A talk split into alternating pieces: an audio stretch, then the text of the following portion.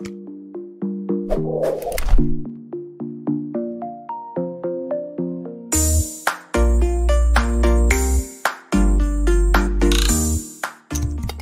ini didukung oleh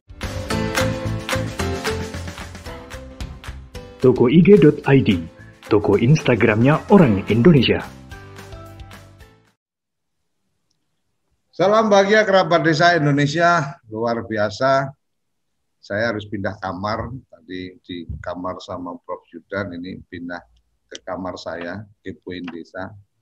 Pagi ini kita uh, di kepoin desa pengen kepo tentang bagaimana uh, bicara tentang keragaman hayati. Ini pilihan pilihan bahasanya tim redaksi ini mengerikan, rada apet menimbang ukur keanekaragaman hayati desa ngeri. Surya Koco dikasih dikasih judul yang kayak gini sama redaksi jadi kita goblok. Tapi eh, hal yang yang penting adalah bahwa desa itu sumber potensi alam yang luar biasa. Yang kemudian menjadi pertanyaannya adalah ketika sumber potensi alam yang luar biasa ini, bagaimana desa punya peran dalam uh, lingkup desanya, kewenangan desanya untuk menjaga potensi sumber alam itu. Itu mungkin kata kunci sederhananya bahasa Suryo Koco. Bahasa tim redaksi kalau memang apa jurnalis luar biasa, jadi bahasanya apa uh, luar biasa juga gitu. Nah pagi ini saya sudah dipertemukan dengan Mas Yasir untuk kemudian mendiskusikan atau membicarakan tentang bagaimana kearifan lokal dan seterusnya itu kemudian bisa ada contoh-contoh apa contoh-contoh sukses bagaimana desa menjaga sumber daya alamnya, sumber daya airnya, mungkin ada apa potensi-potensi yang lain dan seterusnya. Mas Yasir, selamat pagi, sugeng uh, sugeng sing sugeng enjang, muga-muga iso basa Jawa. Aku kadung blangkonan nek ora ono basa Jawa ini kan ora. Mas Koco. Siti Siti Siti Mas Koco. Ah Siti Siti. Oke Mas Yasir, selamat pagi. Sehat? Sehat, alhamdulillah. Alhamdulillah. Mas Yasir ini saya dapat perintah dari redaksi untuk membicarakan tentang bagaimana menimbang ukur. Wih, ngeri bahasa. Bahasanya Om Dian ngeri menimbang ukur keanekaragaman hayati. Mas, kita pakai bahasa yang sederhana aja. Nah, oh, biar uh, Om Dian dengerin juga biarin aja dia komplain ya. kalau saya rubah bahasanya kan gitu. Jadi okay. mungkin saya pengen pengen tahu ini Mas. Uh, Mas Yasir kan ada di apa di Kehati, ada di apa uh, care dengan masalah isu-isu lingkungan dan seterusnya. Sebenarnya hari ini uh, permasalahan lingkungan kita ini sebenarnya memang ada masalah di masyarakatnya atau ada masalah di uh, elitnya. Artinya kalau kita ngomong desa kan ada masyarakatnya, ada juga elit desanya gitu kan. Di tingkat negara juga ada elitnya, ada masyarakatnya. Sebenarnya problemnya atau tantangannya ada di mana yang paling besar? Ya, kalau melihat dari eh, pertanyaan tersebut tentunya eh, kedua belah pihak baik itu dari masyarakatnya maupun hmm. di tingkat pemerintah daerah sendiri itu punya tantangan tersendiri gitu. Hmm. Namun eh, kami dari Kehati concern di mitra lokal daerah sehingga hmm. ini menjadi apa namanya menjadi sesuatu challenge tersendiri di mana kita ingin meningkatkan uh, apa namanya kualitas masyarakat lokal, ingin meningkatkan kapasitas masyarakat setempat gitu supaya bergening posisinya juga meningkat dan juga pengetahuan terkait dengan potensi-potensi lingkungan yang ada di daerah masing-masing itu juga eh, juga meningkat gitu sehingga ya pastinya harapannya lingkungan yang ada di sekitar uh, ekosistem atau uh, lingkungan yang ada di sekitar wilayah tersebut itu tetap terjaga gitu harapannya terus uh, berlanjut gitu ke apa namanya kelestariannya. Artinya artinya ke hati lebih lebih fokus kepada apa lokal community yang kemudian apa melakukan aktivitas-aktivitas terkait dengan uh, menjaga lingkungan itu. Oke.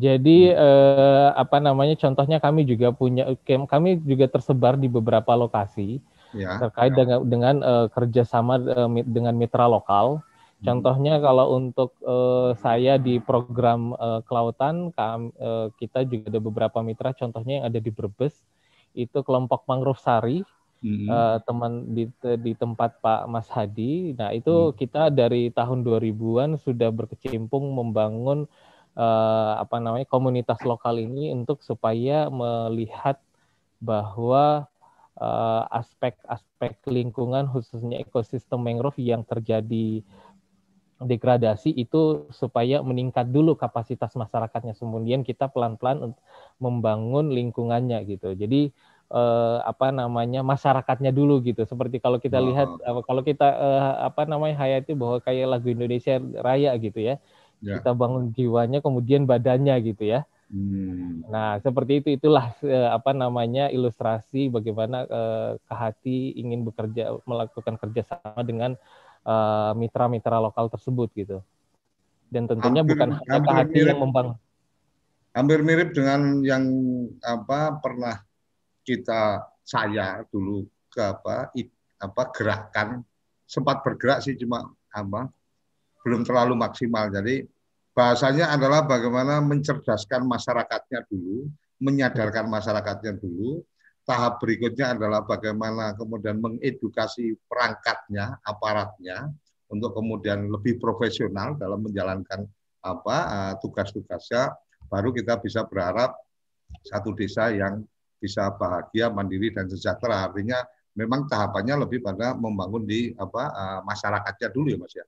Ya, betul, betul. Jadi se sejalan juga dengan apa yang menjadi uh, visi misi hati bahwa yang tadinya kita kita kita berbeda dengan dengan uh, apa namanya rekan-rekan uh, eh, EGO yang lain bahwa yang kita dorong bukan hanya membesarkan ke hati tapi bagaimana juga membesarkan organisasi-organisasi lokal gitu. Karena kalau bukan kalau bu kita melihat bahwa ini menjadi salah satu opportunity untuk bisa mendorong teman-teman bukan hanya di tingkat pusat yang yang bisa maju tapi juga peluang yang ada di desa juga itu harus punya apa namanya prioritas yang sama gitu karena hmm. kita masih dalam satu lingkup Indonesia gitu ya beda kalau sempat udah beda negara gitu. gitu. Art, artinya memang uh, ini ini menarik menurut saya menarik kenapa menarik adalah ketika satu NGO kemudian berpikirnya adalah tidak pengen besar sendiri tetapi bagaimana ayo kita besar bersama-sama kan gitu pada akhirnya iya. mitra-mitra uh, mitra-mitra lokal ini dia yang lebih paham kondisinya dibanding kita yang mungkin cuma motretnya dari helikopter gitu kan mereka ya. yang memang ada di di bawah itu uh, ke topik kita mas ngobrol apa ini jadi kok orang serius banget ini. mas topik kita dengan keragaman keragaman hayati dan seterusnya kemudian uh, amanat undang-undang desa sudah sangat jelas bahwa bagaimana desa punya kewenangan untuk mengatur uh, yang berskala lokal. Ya. Kemarin kita sempat mendapatkan masukan tentang bagaimana oh desa juga bisa membuat kesepakatan bersama nih antar desa membuat apa eh, kesepakatan bersama ketika ada satu potensi untuk kemudian itu harus memang harus ada kerjasama artinya oh tidak tidak hanya ada di wilayah itu tidak hanya ada di satu desa beberapa desa maka ada perlu kerjasama dan seterusnya Mas aku pengen tanya ketika kemudian karena potensi-potensi alam lokal yang kemudian harus dijaga dan seterusnya. Oke, uh, kalau ke hati lebih mungkin melihat uh, sudah ada teman lokal yang kemudian mencoba melakukan sesuatu, kemudian dengan uh, bermitra dengan ke hati maka otomatis akan ada energi yang lebih karena kan otomatis apa karena dengan adanya berjar, ber, berjejaring kemudian mungkin koneksinya jadi lebih luas oh ini bisa dikoneksikan ke para pihak dan seterusnya teman-teman lokal nggak tahu cara berhubungan dengan CSR dan seterusnya karena ada ke hati kemudian bisa terbantu untuk kemudian terkoneksi dan seterusnya kan gitu. Okay. Tapi yang yang kemudian menjadi menarik adalah uh, ke hati itu kemudian mencoba mencermati atau kemudian melihat uh, potensi-potensi uh, yang ada atau kemudian uh, lebih pada uh, untuk membangun kemitraan itu lebih pada ada inisiatif atau ada ide dari komunitas lokal yang berkomunikasi dulu atau kemudian KHT juga mencari uh, oh ini ada ada sesuatu yang menarik di wilayah ini kemudian mencari uh, siapa tokoh lokal yang sudah bergerak atau siapa organ apa komunitas lokal yang sudah bergerak uh, dan kemudian ke hati melakukan pendekatan. Jadi pendekatannya lebih dari ke hati mencari atau dari mereka yang kemudian perlu proaktif, Mas. Uh, kita punya beberapa pengalaman bahwa kudu, kudu, apa yang disampaikan Mas Koco tadi itu semua pengalaman kasih udah udah pernah dilakukan gitu baik itu hmm. dari pihak uh, lokal daerah coba me approach ke Kehati begitupun kita dari Kehati melakukan uh, approach ke teman-teman uh, lokal mitra uh, komunitas lokal ini gitu. Hmm. Namun perlu diketahui bahwa kita berangkat dari uh, apa namanya kebutuhan masing-masing daerah karena bagaimanapun mitra lokal atau komunitas lokal itu yang yang paling mengerti kondisi mereka di di oh, dalam betul. Gitu. Sepakat. Jadi ya jadi sehingga kita tinggal mengorganize supaya tinggal sedikit me, apa namanya mem, melakukan sedikit high touch gitu ya. Hmm. High touch supaya mereka bisa lebih uh, bagaimana uh, tingkat uh, apa namanya awareness-nya itu meningkat gitu. Beberapa hmm. mitra yang kita lakukan tentunya uh, bukan hanya melakukan uh, approach tadi, tapi kita juga mela, uh, apa namanya melakukan atau mengimplementasi kegiatan berdasarkan visibility study gitu. Jadi sebelum kita hmm. melakukan kegiatan, uh, tentunya pasti komunikasi dengan komunitas lokal itu ada, namun kita juga melakukan apa sih kira-kira yang baik untuk melakukan rehabilitasi mangrove contohnya Hmm. Nah, sebelum kita melakukan atau mengimplementasikan kegiatan tersebut, kita melakukan visibility study jenisnya apa, terus bagaimana proses penanamannya, jaraknya berapa dan seterusnya sehingga ini bisa menjadi informasi juga buat komunitas uh, atau teman-teman uh, lokal supaya begini loh proses yang baik berdasarkan riset yang kita lakukan bersama gitu kan. Nah, hmm. setelah itu proses uh, komunikasi ini berlanjut bagaimana melibat langsung komunitas uh, komunitas lokal tersebut dalam mengimplementasikan kegiatan di eh, masing-masing daerahnya gitu. Kita hmm. hanya tinggal me, apa namanya memandu teman-teman ini proses penanaman yang baik atau proses rehabilitasi yang baik sehingga kita melakukan uh, juga uh, peningkatan kapasitas buat para mitra lokal ini atau komunitas lokal di, di mana juga kita lihat ada peran perempuan atau peran wanita dan juga anak-anak yang juga ternyata kita lihat bahwa itu mereka juga berkontribusi besar berkontribusi besar terhadap uh, komunitas lokal ini gitu. Bagaimanapun uh, peran wanita dalam hal uh, apa namanya mengorganisasi keluarga atau mengorganisasi rumah tangga itu juga penting gitu. Itu untuk bisa meningkatkan pendapatan keluarganya gitu. Uh, artinya memang ini kemudian ke hati mengambil posisi untuk kemudian menjadi pendamping, untuk kemudian menjadi apa eh, bagian yang menguatkan dari organisasi-organisasi di tingkat lokal ya Mas ya. Betul, betul sekali. Jadi seperti Sam, itu. Ad, ada batas waktunya enggak nih? Artinya gini, ibarat kata kalau saya membayangkan ketika bicara sebagai pendamping atau kemudian apa empowering dari community itu saya ibaratkan dia babysitter nih hmm. ada ada ada batas atau ada toleransi bahwa oh ini kamu udah cukup udah kamu udah bisa jalan sendiri kita ya. mungkin malah sudah dalam posisi apa sebagai teman sejawat gitu kan bukan ya. lagi yang kemudian dibimbing ibarat kata kan nah ya. kalau babysitter kan ada saatnya ketika anak itu sudah dewasa kan ya udah jadi kayak temennya aja dan seterusnya. Kalau di apa di proses hubungannya seperti apa Mas? Sebelum aku pengen mengul apa pengen kepo-kepo tentang apa-apa yang apa-apa yang kemudian best practice yang sudah uh, pernah dilakukan di desa-desa. Ya, jadi memang uh, kita punya uh, uh, batas waktu gitu ya, kayak tadi babysitter gitu kita anggap ketika uh, umur tiga tahun anak si anak ini udah bisa mulai pelan uh, dua tahun udah mulai pelan-pelan merangkak gitu ya, hmm. kemudian akhirnya bisa jalan sendiri gitu. Jadi sama juga yang dilakukan oleh teman-teman Kahati bahwa kita melihat kerjasama ini uh, pendampingannya uh, biasanya kita melihat untuk rehabilitasi mangrove ini contoh yang akan kita lakukan ke depan itu sekitar 3 sampai 4 tahun gitu.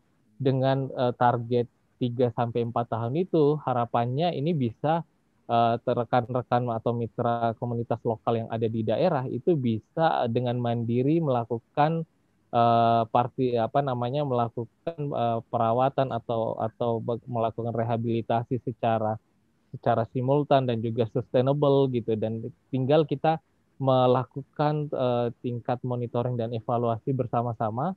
Ketika ada beberapa uh, funding yang ingin menyodorkan uh, kegiatannya juga kita pasti juga tidak melihat bahwa oh inilah tingkat keseriusan teman-teman yang ada tingkat di mitra lokal bahwa oh ya mereka benar-benar serius dan juga harapannya ini bisa menjadi salah satu uh, turning point juga bahwa uh, teman-teman di mitra lokal uh, di beberapa daerah cukup uh, aware dalam melakukan rehabilitasi lingkungan dan seterusnya gitu. Sehingga ini kita akan dorong lagi jika ada pembiayaan-pembiayaan lain untuk bisa meningkatkan lebih dari apa yang mereka sudah dapatkan hari ini gitu. Jadi seperti itu Mas Koco. Jadi bukan tidak tidak menutup kemungkinan kerjasama ini bukan hanya 3-4 tahun jika kita melihat keseriusan itu ada, kita uji coba uh, mereka benar-benar mandiri nah kita akan masukin kita akan masuk lagi gitu untuk supaya kita ingin meningkatkan yang tadinya level A kita tingkatkan ke level B jika ke level hmm. B udah ada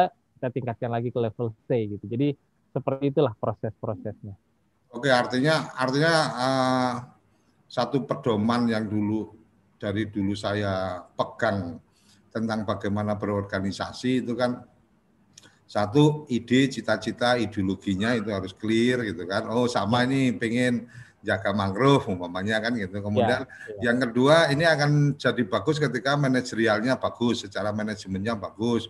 Bagaimana ya. mengelola kegiatan, bagaimana mengelola teman-teman, uh, anggota dan seterusnya dan akan menjadi lebih kuat besar lagi ketika memang secara fundraising itu apa uh, mereka ada. Jadi apakah membangun bisnis sendiri atau kemudian ada lembaga-lembaga donor yang mempercayakan dan seterusnya. Artinya ketika tiga ini ada, insya Allah organisasi pasti akan apa establish akan berjalan lancar dan semakin tumbuh dan berkembang. Saya pikir itu ya Mas ya. Ya, betul. Nah, sudah bergabung di Zoom kita ada Mas Agus Satriono. Selamat pagi Mas Agus, ada Mbak Risma dari Banten juga. Di chat Zoom apa chat uh, YouTube kita ada Mas Imam Aziz. Wow, live YouTube. Salam Wong Kito Galuh dari Bali Bali Papan. Oke. Okay. Oke. Okay. Uh, eh, Mas Agus, masuk ke desa. Desa punya hak untuk mengelola atau membuat aturan dalam skala desa. Kemudian bicara dengan lingkungan. Saya pernah punya, uh, saya pernah uh, ada satu referensi tentang bagaimana peraturan desa membuat apa ada ada desa membuat peraturan bahwa kalau kemudian akan numpang nikah uh, mama laki-laki yang numpang nikah di tempat apa uh, alamat yang perempuan gitu kan atau kemudian akan mencatatkan kelahiran anak atau akan apa berpindah rumah dan artinya berpindah alamat ke desa itu dan seterusnya, ada mensyaratkan hal-hal yang mungkin berbau lingkungan nih. Kayak mama, oh kalau kamu mau pindah ke sini berarti kamu harus tanam dua pohon atau harus melakukan apa dan seterusnya. Ada pengalaman-pengalaman seperti itu yang apa dari mitra-mitra uh, teman uh, mitra lokal ke hati yang bisa di-share Mas dan kemudian uh, dalam proses pendampingan itu uh, tahapan prosesnya seperti apa untuk kemudian sampai ke situ karena kan tidak gampang ya meyakinkan pemerintah desa untuk kemudian yuk bikin yang kayak gini dan seterusnya. Ya, Silakan. Betul. Uh, ke hati ada beberapa pengalaman. Contohnya yang kita pernah lakukan bareng-bareng di di apa namanya di Majene Kabupaten Majene Sulawesi Barat itu ya tadi mereka ketika mau melangsungkan pernikahan eh, si calon pengantin ini salah satu syarat yang dilakukan eh, di tingkat KUA hmm. ke, di tingkat KUA desa itu mewajibkan untuk melakukan penanaman mangrove gitu. Ini yang menjadi salah satu keter, eh, apa, ketertarikan tersendiri bahwa apa komunitas lokal ini juga menggun apa namanya menjalin kerjasama bukan hanya di tingkat desa juga tapi di tingkat ini ya KUA gitu atau teman-teman uh, komunitas lokal berting, uh, apa kerjasama dengan mitra mitra lain gitu yang di mana ya itu salah satunya melakukan penanaman mangrove ketika apa ingin menikah. Dan juga ada juga hal uh, menarik juga itu, di sorry sorry mas. Yang itu tadi uh, kerjasamanya dengan Pemdes artinya pemerintah desa kemudian mengarah kepada membuat ya. peraturan itu kemudian didukung ya. oleh uh, kantor catatan apa urusan agama juga ya ya gitu oh, jadi jadi biasa. jadi jadi kerjasama ini bukan hanya multi sektor mas Koco jadi mereka kerjasama dengan pemerintah desa Hmm. Dan kemudian eh, dari komunikasi yang dibangun ini ternyata mereka juga menjalin kerjasama dengan uh, apa namanya Departemen Agama dalam hal ini KUA gitu di tingkat hmm. lokal gitu ya. Jadi salah satu persyaratan ketika mereka mengajukan uh, apa namanya permintaan untuk menikah, salah satu poin yang yang dimasukkan dalam dalam salah satu syarat apa pernikahan itu adalah melakukan penanaman mangrove untuk sepasang calon pasang suami istri ini gitu. Itu hmm. itu menjadi salah satu ketertarikan tersendiri bagaimana mereka juga membangun uh, kerjasama ini bukan hanya di satu sektor yaitu uh, pemerintah desa tapi juga mereka juga mulai membangun atau meningkatkan uh, apa namanya kerjasamanya dengan pihak lain gitu. Itu menjadi salah satu catatan penting. Dan juga hmm. perlu uh, apa di satu sisi juga ternyata mitra-mitra kita ini ada juga salah, mereka membangun eh, apa namanya tingkat pendapatan daerah gitu salah satunya yang ada juga di Majene itu eh, jadi skema pembiayaan dalam eh, apa namanya ekowisata itu untuk parkir aja itu mereka sudah melakukan persentase 60% untuk eh, komunitas lokal, hmm. 40% dibagikan kepada eh, pemerintah daerah gitu hmm. atau pemerintah desa. Nah, ini hmm. menjadi sangat uh, apa namanya menarik sehingga ini menjadi apa namanya concern pemerintah daerah juga bahwa komunitas-komunitas lokal ini apa namanya mereka benar-benar serius ke kerjasamanya karena mereka juga bukan hanya berkontribusi buat lingkungan tapi juga berkontribusi juga buat uh, daerahnya masing-masing gitu. Hmm. Itu yang yang menjadi uh, catatan penting. Nah, di daerah lain ini yang kita ingin lagi bangun bersama bahwa seperti contohnya nah mungkin yang hadir ini Mbak Risna di DKP Banten. Ini kita pengen melihat boleh nanti ikut berbagi cerita. Ya yeah. kita ingin melihat kerjasama ke depan untuk bisa meningkatkan uh, proses-proses ini yang apa yang sudah kita lakukan di Kahati kita pengen bawa lagi ke teman-teman di Banten gitu Hmm. Nah, e, kalau kita lihat di semakin ke timur ini e, beberapa aktivitas lain juga sudah sudah terrecognize gitu. Jadi ada beberapa hal yang menjadi peraturan e, desa itu harus dilakukan gitu. Contohnya ada beberapa aktivitas ketika mereka melakukan apa namanya buang sampah di daerah-daerah yang sudah dilakukan rehabilitasi itu ada punishmentnya juga gitu. Jadi oh, membuat aturan untuk ada punishment ada punishmentnya juga gitu. Artinya kan hmm. itu punishment itu bersifat mengikat ya supaya hmm. masyarakat lokal atau baik itu masyarakat lokal maupun pendatang itu juga mengerti bahwa ada rules atau peraturan atau regulasi yang harus ditaati di daerah tersebut gitu sehingga ya ya seperti uh, peribahasa di mana kita uh, diri di situlah langit dijunjung gitu ya. ya, ya Jadi ya, seperti ya. itu Mas Koco seperti uh, muatan muatan lokal itu tetap digaungkan dengan tetap me, me, apa menjaga kelestarian lingkungan gitu. Luar biasa, luar biasa. Ini satu pencerahan luar biasa uh, dan ke kerabat desa ketika kita berbagi apa berbagi cerita di Kepoin Desa dan di semua uh, insya Allah di semua konten-konten TV desa yang apa uh, berisi obrolan-obrolan seperti ini Uh, selain nanti bisa diikuti kembali di channel YouTube kita, uh, channel video.com juga, itu kita juga uh, akan me melakukan convert data menjadi apa podcast dan bisa diikutin di podcastnya. Jadi kalau sambil perjalanan bisa ngikutin, oh ya obrolan sama Mas Yasir ini ngobrolin apa dan seterusnya. Insya Allah di podcast ada TV Desa di situ, tinggal dicari aja uh, seri apa, acara apa, kemudian yang sedang membicarakan apa dan seterusnya. sudah ada di sini Mbak Risma dari Banten, ada Mas Agus Satriono dari Bremen. Wih, Bremen, Bremen Jerman ya. Kalau Bremen berarti uh, saya kalau Bremen karena hobi saya ngerokok langsung kebayangnya adalah apa lelang tembakau kalau di Bremen. ada Mas Mas Imam Aziz tadi sudah kita ini kan. Uh, Mas Yasir, Jangan ya. ke mana-mana dulu teman-teman yang lain juga apa kerabat desa yang menyaksikan ini jangan ke mana-mana dulu. Silakan ingin menyampaikan sesuatu bisa melalui uh, chat di uh, channel YouTube kita. Dan saya nanti pengen untuk apa Mbak Risma bisa ikut apa uh, open mic Mas Agus juga untuk bisa memberikan uh, informasi atau memberikan apa suaranya ke teman-teman ke kerabat desa kita pengen uh, bagaimana desa juga sadar, paham potensi alamnya dan kemudian sadar dan paham untuk menjaga apa-apa yang uh, menjadi apa uh, keistimewaan dari desanya.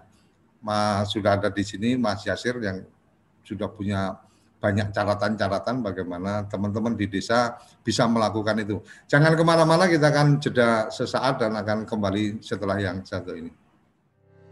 Kamu tinggal di pulau terpencil, pegunungan pinggiran kota, atau daerah di Indonesia yang tidak terjangkau jaringan fiber, ADSL, dan juga 3G. Internetan dengan cepat pasti cuma akan menjadi mimpi mau pakai tol langit, pakai desa wifi, kunjungi www.desawifi.id.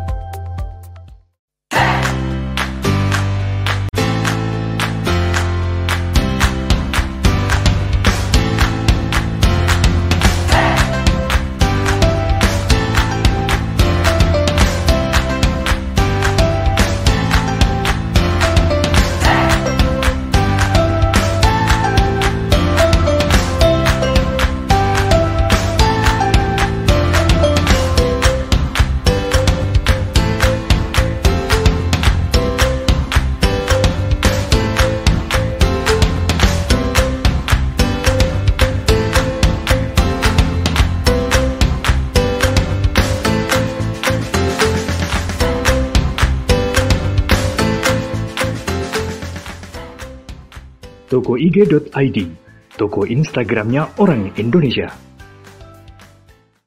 Ayo, kandidat kepala daerah, manfaatkan kesempatan ini. TV Desa mengundang Anda bicara desa. 5 menit bisa. Bicara Desa.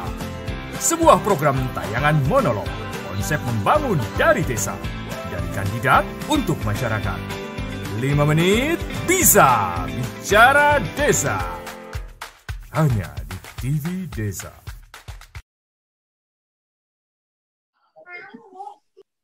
Oke, kembali ke Kepoin Desa. Ini sudah bergabung Mbak Risma dari DKP Banten. Nah, selamat pagi Mbak Risma. Pagi Pak. Kalau Banten aku bahasa Jawa bisa rooming nanti. Sugeng injang, Mbak. karena, karena, karena beban belangkon kadang-kadang saya harus tetap ada bahasanya bahasa Jawanya dikit-dikit. Enggak apa-apa. orang Jawa juga kok. Oh gitu ya. Iya. Oke, luar biasa. Mbak Risma tadi apa Mas Yasir sudah ada cerita nih ada beberapa nanti apa eh, ada beberapa hal tentang bagaimana kemudian eh, teman-teman ke hati melakukan apa kemitraan dengan komunitas-komunitas lokal dan Kehati memang lebih fokus ke urusan lingkungan hidup dan seterusnya.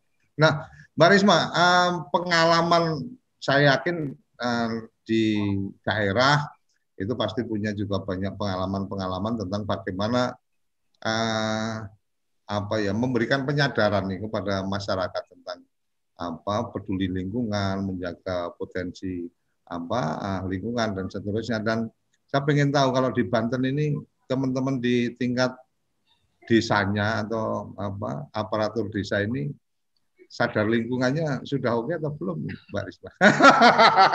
silakan silakan Mbak. Ya, terima kasih sebelumnya saya diberikan eh, kesempatan. Mungkin ini lebih tepatnya saya ditodong ya. Oh iya, ha, ha.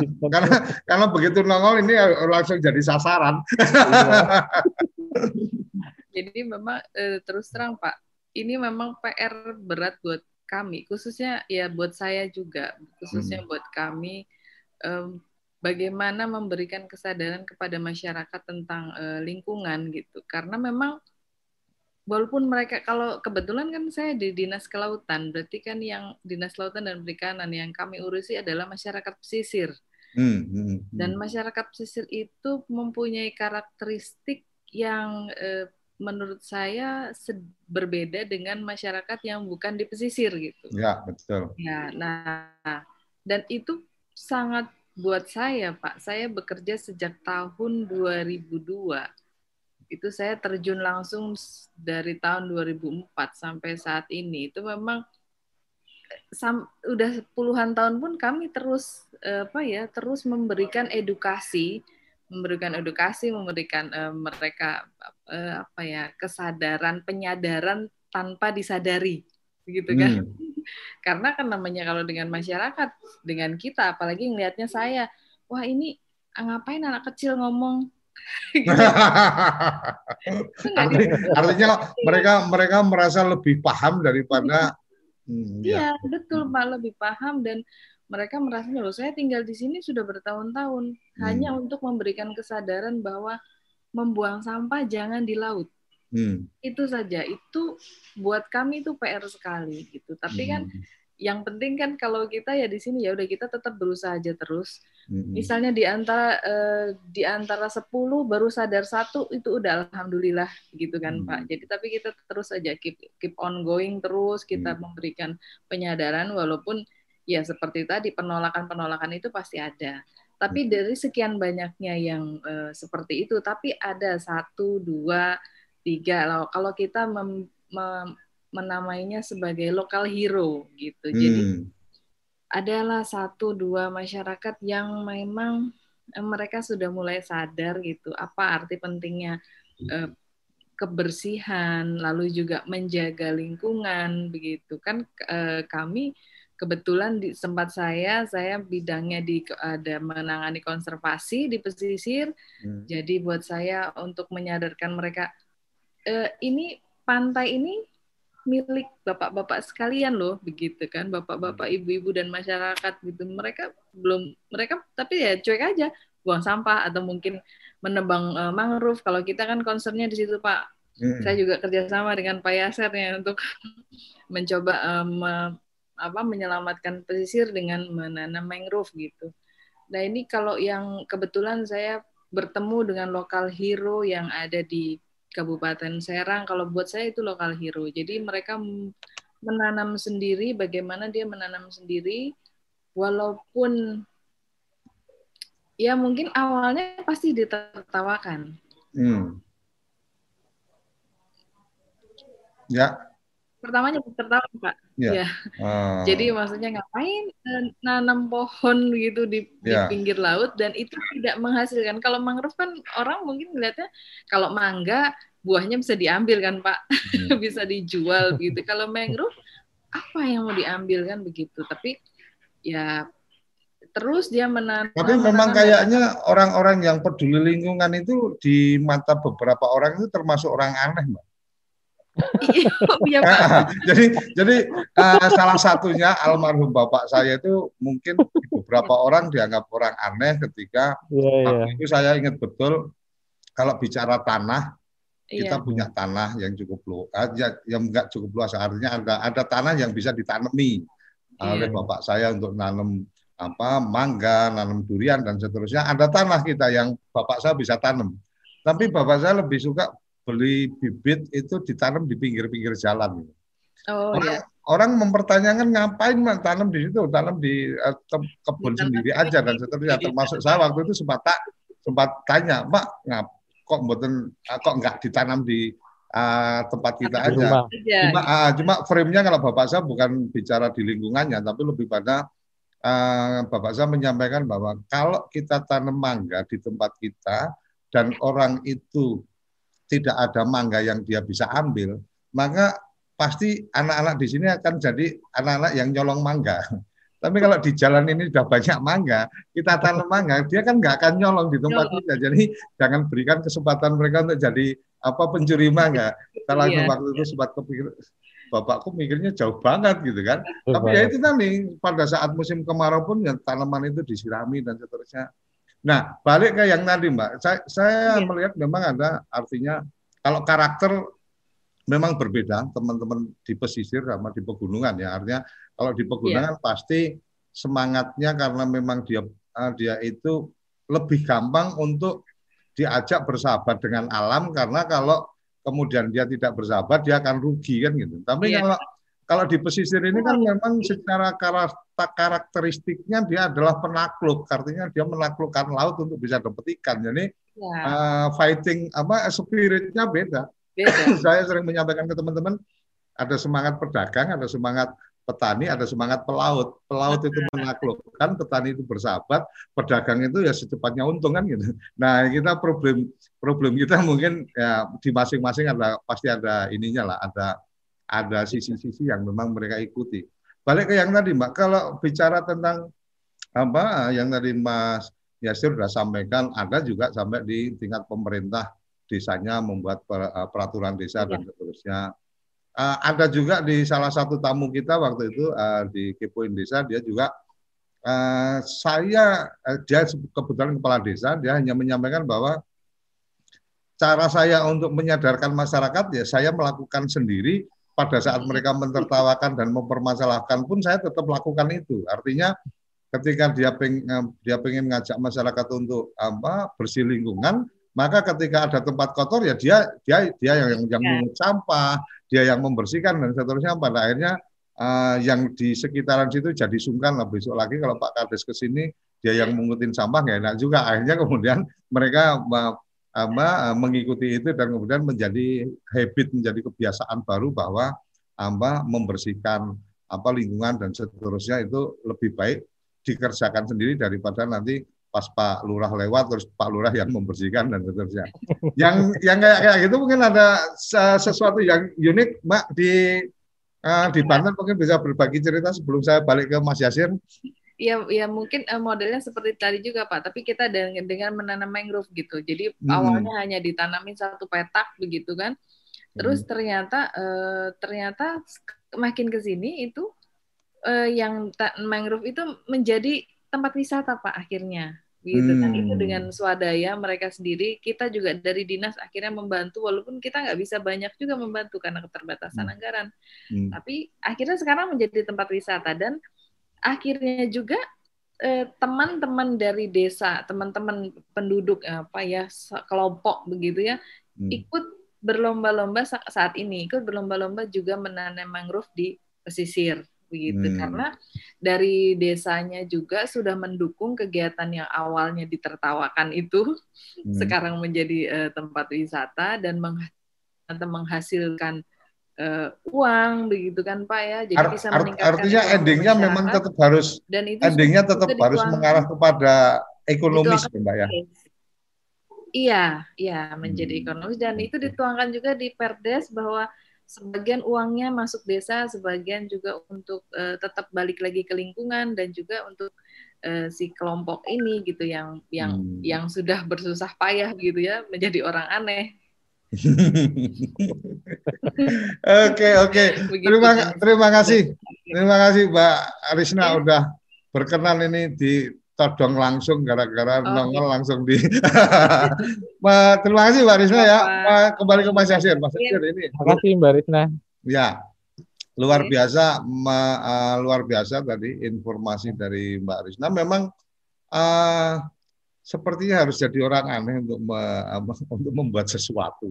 Ya Mas Yasir ya. Artinya iya. artinya hero-hero ini memang hero-hero ini harus dicari uh, setidaknya harus dicari potensinya. Oh ini punya potensi untuk jadi hero, kemudian kita support atau memang sudah kelihatan sebagai hero, tinggal dipercepat. Ibarat kata, oh ini sudah uh, sudah ada yang casingnya sudah oke, okay, tinggal ditambah ibarat kata kalau mobil tinggal tinggal otaknya dinaikin supaya apa lebih kenceng gitu kan.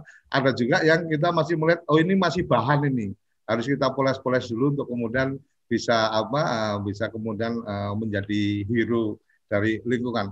Mas Yasir dengan pengalaman ke hati hal hal-hal unik yang mungkin mungkin ditemukan secara tidak sengaja atau apa itu mungkin ada yang bisa dibagikan di sini dan dan secara khusus mungkin lebih pada uh, tadinya mungkin nggak tertarik atau apa kemudian ketika kemudian ada satu kegiatan tertentu kemudian menjadi apa menjadi justru menjadi penggerak atau motor dari apa uh, agenda lingkungan. Ada ya. yang mungkin bisa dibagi cerita Mas Yasir? Ya, uh, sebenarnya kalau ya saya sepakat tadi apa yang disampaikan uh, Mas Koco, Mbak Risna gitu bahwa memang ketika kita berkecimpung di lingkungan ini baik di daratan atau di pesisir itu kita uh, frameworknya uh, berbeda dengan uh, orang lain atau orang biasa gitu ya. jadi dulu dulu di luar jadi cukup cukup mainstream juga gitu memang.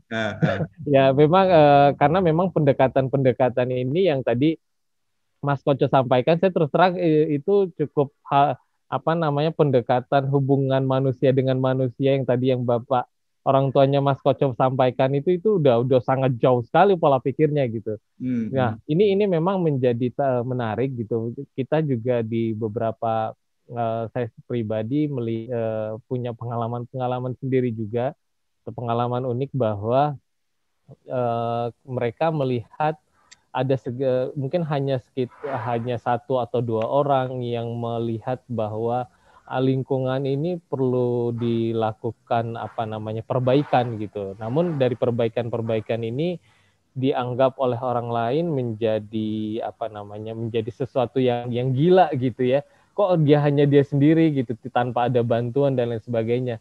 Nah, beberapa mitra memang kita eh, sampaikan bahwa mereka awalnya eh, berdiri sendiri gitu. Mereka contohnya yang ada di ujung jaya, mereka eh, di, di ujung kolon tempatnya Mbak Risna ini, ini mereka ber, eh, menggerakkan eh, kelompok-kelompok ini berdasarkan eh, partisipasi masyarakat yang tadinya hmm. mereka sendi, uh, Pak Yaya contohnya itu se sendiri melakukan rehabilitasi kemudian apa yang dilakukan Pak Yaya ini ternyata menjadi contoh bahwa uh, ekosistem mangrove itu penting gitu. Nah, ketika ada sebencana tsunami 2018 di Provinsi Banten, ternyata mereka mulai tergerak bahwa ternyata provinsi apa namanya ekosistem mangrove ini membantu dalam ke apa namanya memitigasi bencana khususnya tsunami kemarin dan hmm. ini menjadi kesadaran uh, masyarakat di tingkat desa untuk bisa melakukan uh, rehabilitasi bareng gitu. Jadi yang tadinya hmm. hanya satu satu dua orang melakukan hmm. penanaman dan kemudian ternyata bencana itu membawa membawa uh, hikmah gitu Mas Koco gitu ya. Iya iya iya. Ya. Jadi ternyata bencana sama, bukan sama, hanya sama kayak pandemi ini ya. Gara-gara ya. pandemi ini akhirnya kita kemudian lebih apa lebih lebih merasa bahwa komunikasi menggunakan uh, virtual pun itu sebenarnya sudah cukup tidak harus sowan tidak harus nungguin iya. dan seterusnya dari sisi waktu juga lebih efektif gitu ya, ya, ya kita ya, bisa ya, dalam ya. sehari bisa melakukan meeting beberapa kali gitu ya, ya walaupun kalau seumpama kondisi realnya mungkin hanya satu hari satu kali atau satu hari ya. dua kali gitu. Hmm. Nah ternyata ya itu eh, bencana membawa eh, berkah ketika eh, teman-teman yang ada di provinsi Banten mengalaminya gitu dan salah satu penggiat lokal mangrove yang ada di ujung kulon itu merasakan langsung dan hmm. langsung berlindung di di ekosistem mangrove dan alhamdulillah sampai uh, sekitar satu harian lebih hampir dua hari di di mangrove baru mereka bisa keluar gitu. Nah, dari pengalaman-pengalaman ini diceritakanlah ke teman-temannya, diceritakanlah ke keluarganya bahwa uh, uh, peran dari uh, mangrove ini sangat penting gitu sehingga saat ini mereka sudah mulai uh, melakukan atau berbondong-bondong untuk melakukan rehabilitasi mangrove. Nah, menariknya juga ternyata pengalaman-pengalaman uh, unik ini uh, ada juga uh, apa namanya uh, kearifan lokal bahwa contohnya contohnya dari sektor pertanian yang ternyata di backup oleh teman-teman uh, yang melakukan uh, rehabilitasi mangrove. Jadi di belakang di belakang ekosistem mangrove itu ada penggiat uh, peta penggiat tani uh, apa namanya jahe merah gitu. Jadi mereka mereka uh, ternyata merasa terbantu dengan komunitas-komunitas uh, ini yang saling uh, berkolaborasi dan berinteraksi langsung gitu ya. Jadi uh, jadi ada beberapa fokus utama yang menjadi uh, apa namanya menjadi perhatian mereka sesuai dengan kearifan lokal yang ada di sana tentunya. Nah, uh, ya itu yang tadi berangkat dari ide-ide gila, kemudian ternyata bencana datang dan alhamdulillah mereka tersadarkan dengan sendirinya dan akhirnya ya sampai hari ini uh, mereka sudah mulai mulai 2018 hingga dua tahun terakhir ini mereka benar-benar uh, concern ya terhadap uh, rehabilitasi mangrove itu sendiri gitu. Nah ini kebetulan Mbak juga membantu uh, kami dari Kahati. Uh, kebetulan Mbak ini kakak kelas juga gitu. Jadi uh, komunikasi kami juga cukup intens. Nah bicara terkait dengan keanekaragaman ini menjadi salah satu poin penting uh, bahwa ini ide ini berawal dari apa namanya kebutuhan kita yang ada di di beberapa lokasi di Brebes, kemudian di Majene kita ingin bawa di di mana di provinsi Banten dan alhamdulillah ketika kita komunikasikan dengan Mbak Risna ini dikonfirm langsung untuk didukung bisa didorong eh, apa namanya men, men, apa namanya mendukung kelestarian keanekaragaman hayati ini gitu. Jadi teman-teman eh, sepakat untuk kita bisa membangun Beng, eh, Banten Mangrove Center gitu yang di mana di situ oh. ada taman keanekaragaman hayatinya gitu untuk melindungi spesies-spesies ke keanekaragaman mangrove supaya ini tetap terjaga ya khusus hmm. yang ada di uh, provinsi Banten. Jadi kita tidak perlu lagi membawa apa namanya eh, jenis-jenis uh, lain di luar provinsi Banten supaya ini uh, apa namanya kearifan lokal keanekaragaman hayati di tingkat uh, provinsi Banten itu sendiri tetap terjaga gitu. Jadi uh, seperti itu Mas Kocok kita pengen menjaga kelestarian uh, keanekaragaman hayatinya gitu. Oh berarti ada ini yang di Banten ini ada yang spesifik atau spesial yang sedang disiapkan bersama teman-teman Gati ya? Ya, gitu. Jadi kita akan mempersiapkan eh, apa namanya Taman Keanekaragaman Hayati hmm. yang di mana ini eh, ta, di dalam taman ini ada beberapa jenis spesies mangrove yang akan kita eh, adopsi dan uh, tentunya jenis-jenis uh, mangrove lokal yang ada di provinsi Banten kita akan coba masukkan ke dalam taman ini supaya ini menjadi informasi atau edukasi buat masyarakat lokal, buat para siswa atau mahasiswa ataupun buat para peneliti dan juga buat pemerintah daerah dalam menduk dalam mempersiapkan uh, apa namanya uh, policy-policy berikutnya gitu. Jadi ini sebenarnya bagian dari advokasi kita untuk tetap melestarikan uh, lingkungan dengan mempertahankan keanekaragaman hayati ini gitu. Secara ekonomis, Mas, secara ekonomis kalau eh, tadi eh, akan dibangun apa satu kawasan kemudian apa utamanya itu lebih ke mangrove. Uh, secara ekonomis apakah bicara tentang mangrove ini ya secara khusus apakah secara ekonomis memang apa mangrove ini uh, bisa ada dampak langsung? Artinya kemudian lo ada produk-produk dari buah mangrove atau dari kayu mangrove atau apa. Kalau kayu kayaknya nggak jadi bagian untuk yang kemudian di apa di ekonomiskan karena nanti ada kecenderungan merusak juga. Tapi kalau kalau kemudian dari buahnya dan seterusnya memang secara ekonomisnya ada atau kemudian itu lebih mengarah kepada uh, agendanya kemudian lebih pada menjual keindahan alamnya, suasananya atau kemudian apa lebih pada menjual menjadi tempat riset dan seterusnya. Artinya kan seperti yang tadi Mbak Rizka tadi sampaikan bahwa ujungnya tetap harus ada nih dampak ekonomi karena kalau kalau tidak ada dampak ekonomi mungkin masyarakat juga apa merasa apa tidak tidak me, tidak tidak akan incas ibarat kata do something itu pasti ada harapan. Ketika kemudian mungkin tidak ada harapan ekonomi ya ada harapan surga itu kan cerita yang lain. Artinya melakukan sesuatu pasti harus punya pengharapan kan gitu. Jangan jangan juga kita terlalu sombong gitu kan melebihi Tuhan gitu kan. Orang Tuhan menciptakan ya. manusia pun juga ada ada harapan untuk kemudian manusia menjaga bumi kan gitu Mas. Nah, kita melakukan iya, sesuatu tanpa harapan kan kayaknya malah nanti apa terlalu sombong kita nanti. Kira-kira Mas, Iya, iya. dari mangrove ini uh, potensi-potensi apa yang kemudian bisa dimanfaatkan atau didapatkan dari para pelakunya, Mas? Eh, terima kasih Mas Koce. Jadi eh, pertanyaan menarik gitu ya. Apa namanya? Tentunya eh, ada eh, pendekatan sosial ekonomi yang berdampak langsung kepada masyarakat gitu. Kalau kita Hmm. perhatikan memang di dalam RPJMN 2020-2024 salah satunya ada program prioritas nasional namanya pembangunan rendah karbon. Hmm. Nah, di dalam pembangunan rendah karbon itu spesifik menuliskan rehabilitasi mangrove itu sebesar 50.000 hektar dalam kurun waktu lima tahun gitu.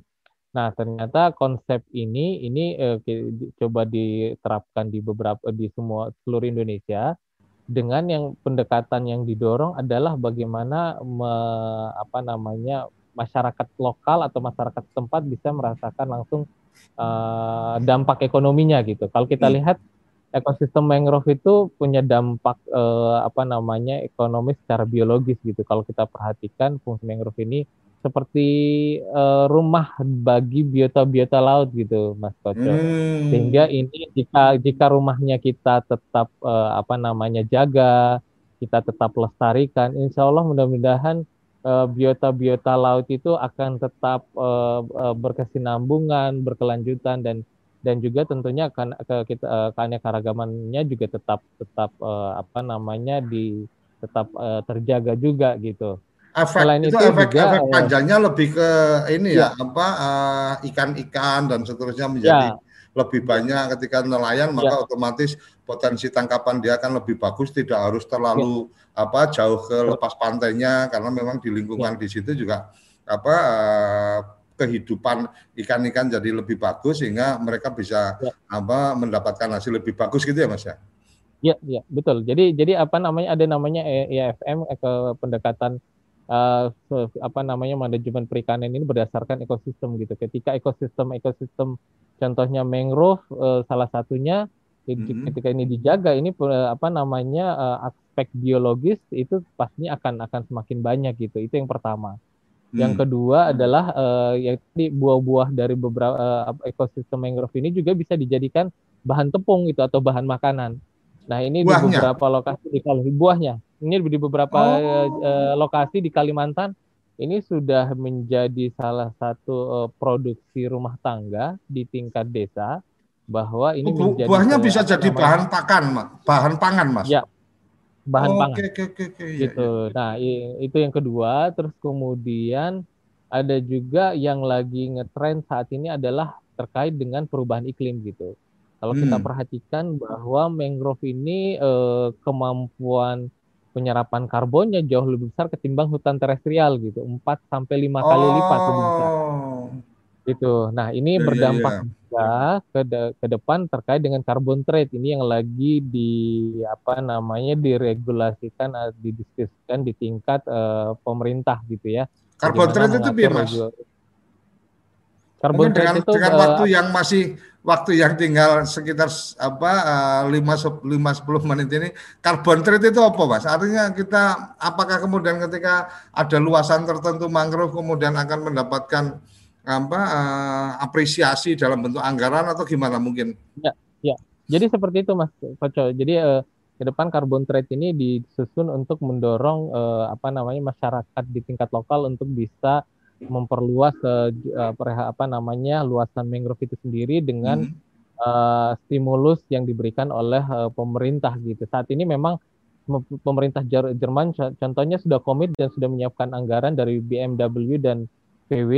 Nah, Hmm. itu anggarannya sudah sudah ada tinggal bagaimana kita eh, di tingkat eh, ya, apa namanya di Indonesia mempersiapkan regulasi ini apakah bisnis to bisnis gitu kan apakah dari dari PW atau BMW langsung ke diberikan ke komunitas lokal anggaran ini sesuai dengan luasan atau jumlah eh, angka yang eh, mereka lakukan dalam proses rehabilitasi mangrove atau seperti apa skema-skema ini lagi didiskusikan di tingkat kementerian lembaga bagaimana eh, supaya bisa memberikan dampak yang luas gitu bagi masyarakat bukan hanya eh, apa namanya supaya juga kesadaran masyarakat juga tinggi terhadap lingkungan ini gitu.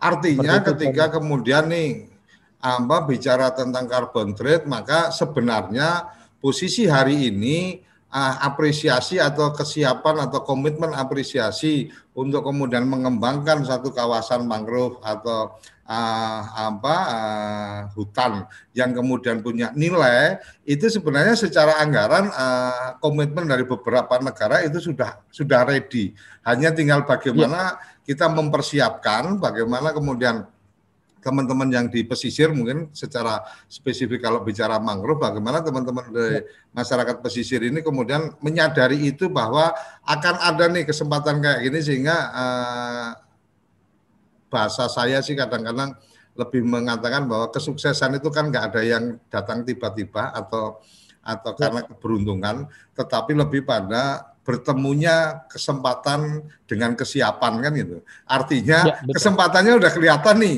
Tinggal bagaimana kita uh, me, apa, uh, mempersiapkan. Jadi pada saat kita sudah siap dan kesempatan itu datang, secara regulasinya ada, aturan mainnya sudah ya. jelas, maka kita adalah bagian uh, teman-teman yang di yang sudah menyiapkan ini adalah uh, potensi jadi bagian teman-teman yang sukses mendapatkan apa transaksi karbon tadi ya Mas ya. Ya. Kira-kira kayak gitu kan Mas? Ya, seperti itu betul betul sekali Mas Koce. Okay. Jadi memang uh, kita kita sudah mempersiapkan ketika itu regulasi uh, yang di, di apa didiskusikan tingkat pemerintah sudah clear, Kehati dan mitra-mitra lokal juga sudah siap gitu.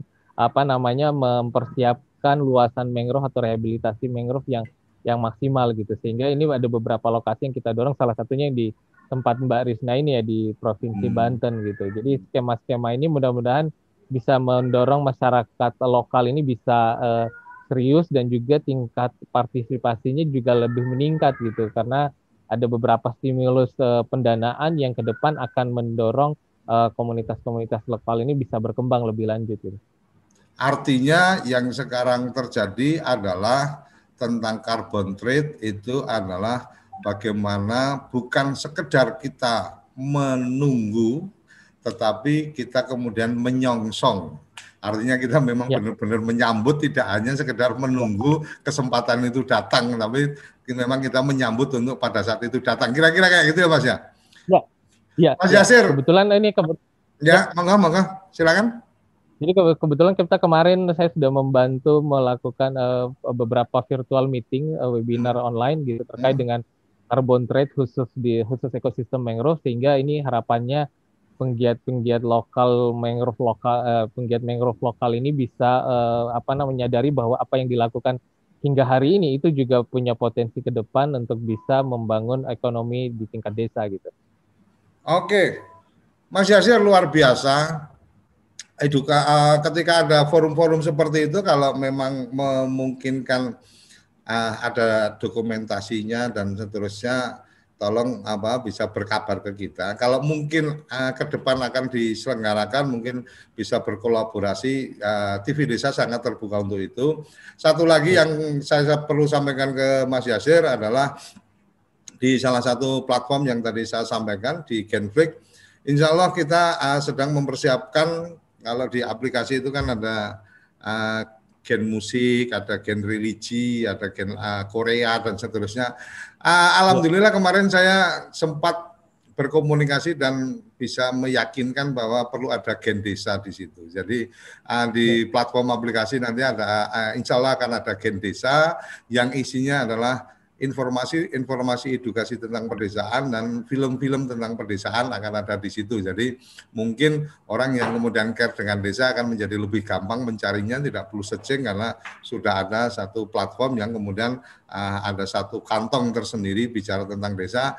Mungkin itu juga bisa dimanfaatkan dengan baik oleh teman-teman ke hati yang care dengan ya. lingkungan, konten-kontennya bisa apa ditaruh di situ dan bisa juga kalau memang ke hati sepakat kita bisa siapkan ceri, apa slot khusus cerita ke hati berbagi cerita dengan mitra-mitra lokal yang uh, inspiratif untuk kita bisa share ke uh, kerabat desa yang apa uh, setia mengikuti acara-acara kita. Mas Yasir closing statement karena waktu kita ternyata nggak terasa sudah satu jam walaupun tadi agak mundur sekitar 10 menit. Monggo silakan closing statement. Uh, apa namanya? Saya melihat bahwa kita perlu menjaga uh, apa namanya lingkungan dengan baik uh, supaya ke depan lingkungan juga akan menjaga kita gitu. Mungkin seperti itu. Oke, okay, terima kasih closing statement luar biasa. Makasih Mas Yasir yang sudah meluangkan waktunya, Mbak Risna yang sudah meluangkan waktunya uh, untuk ditodong berbicara. Matur nuwun Mbak Risma, Mas Agus yang ada di Bremen sana sempat mengikuti kita. Terima kasih Mas Agus.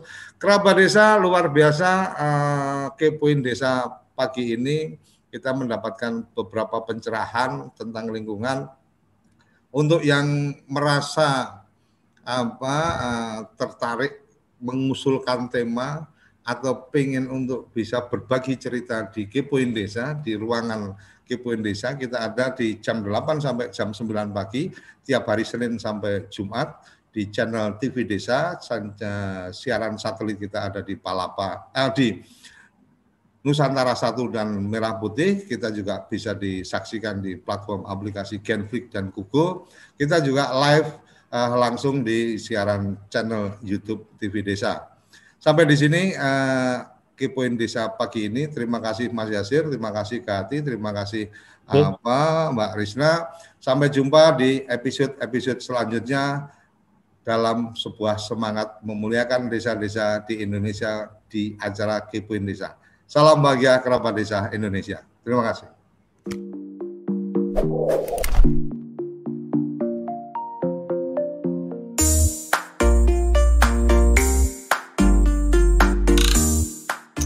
Cara ini didukung oleh Toko IG.id, toko Instagramnya orang Indonesia.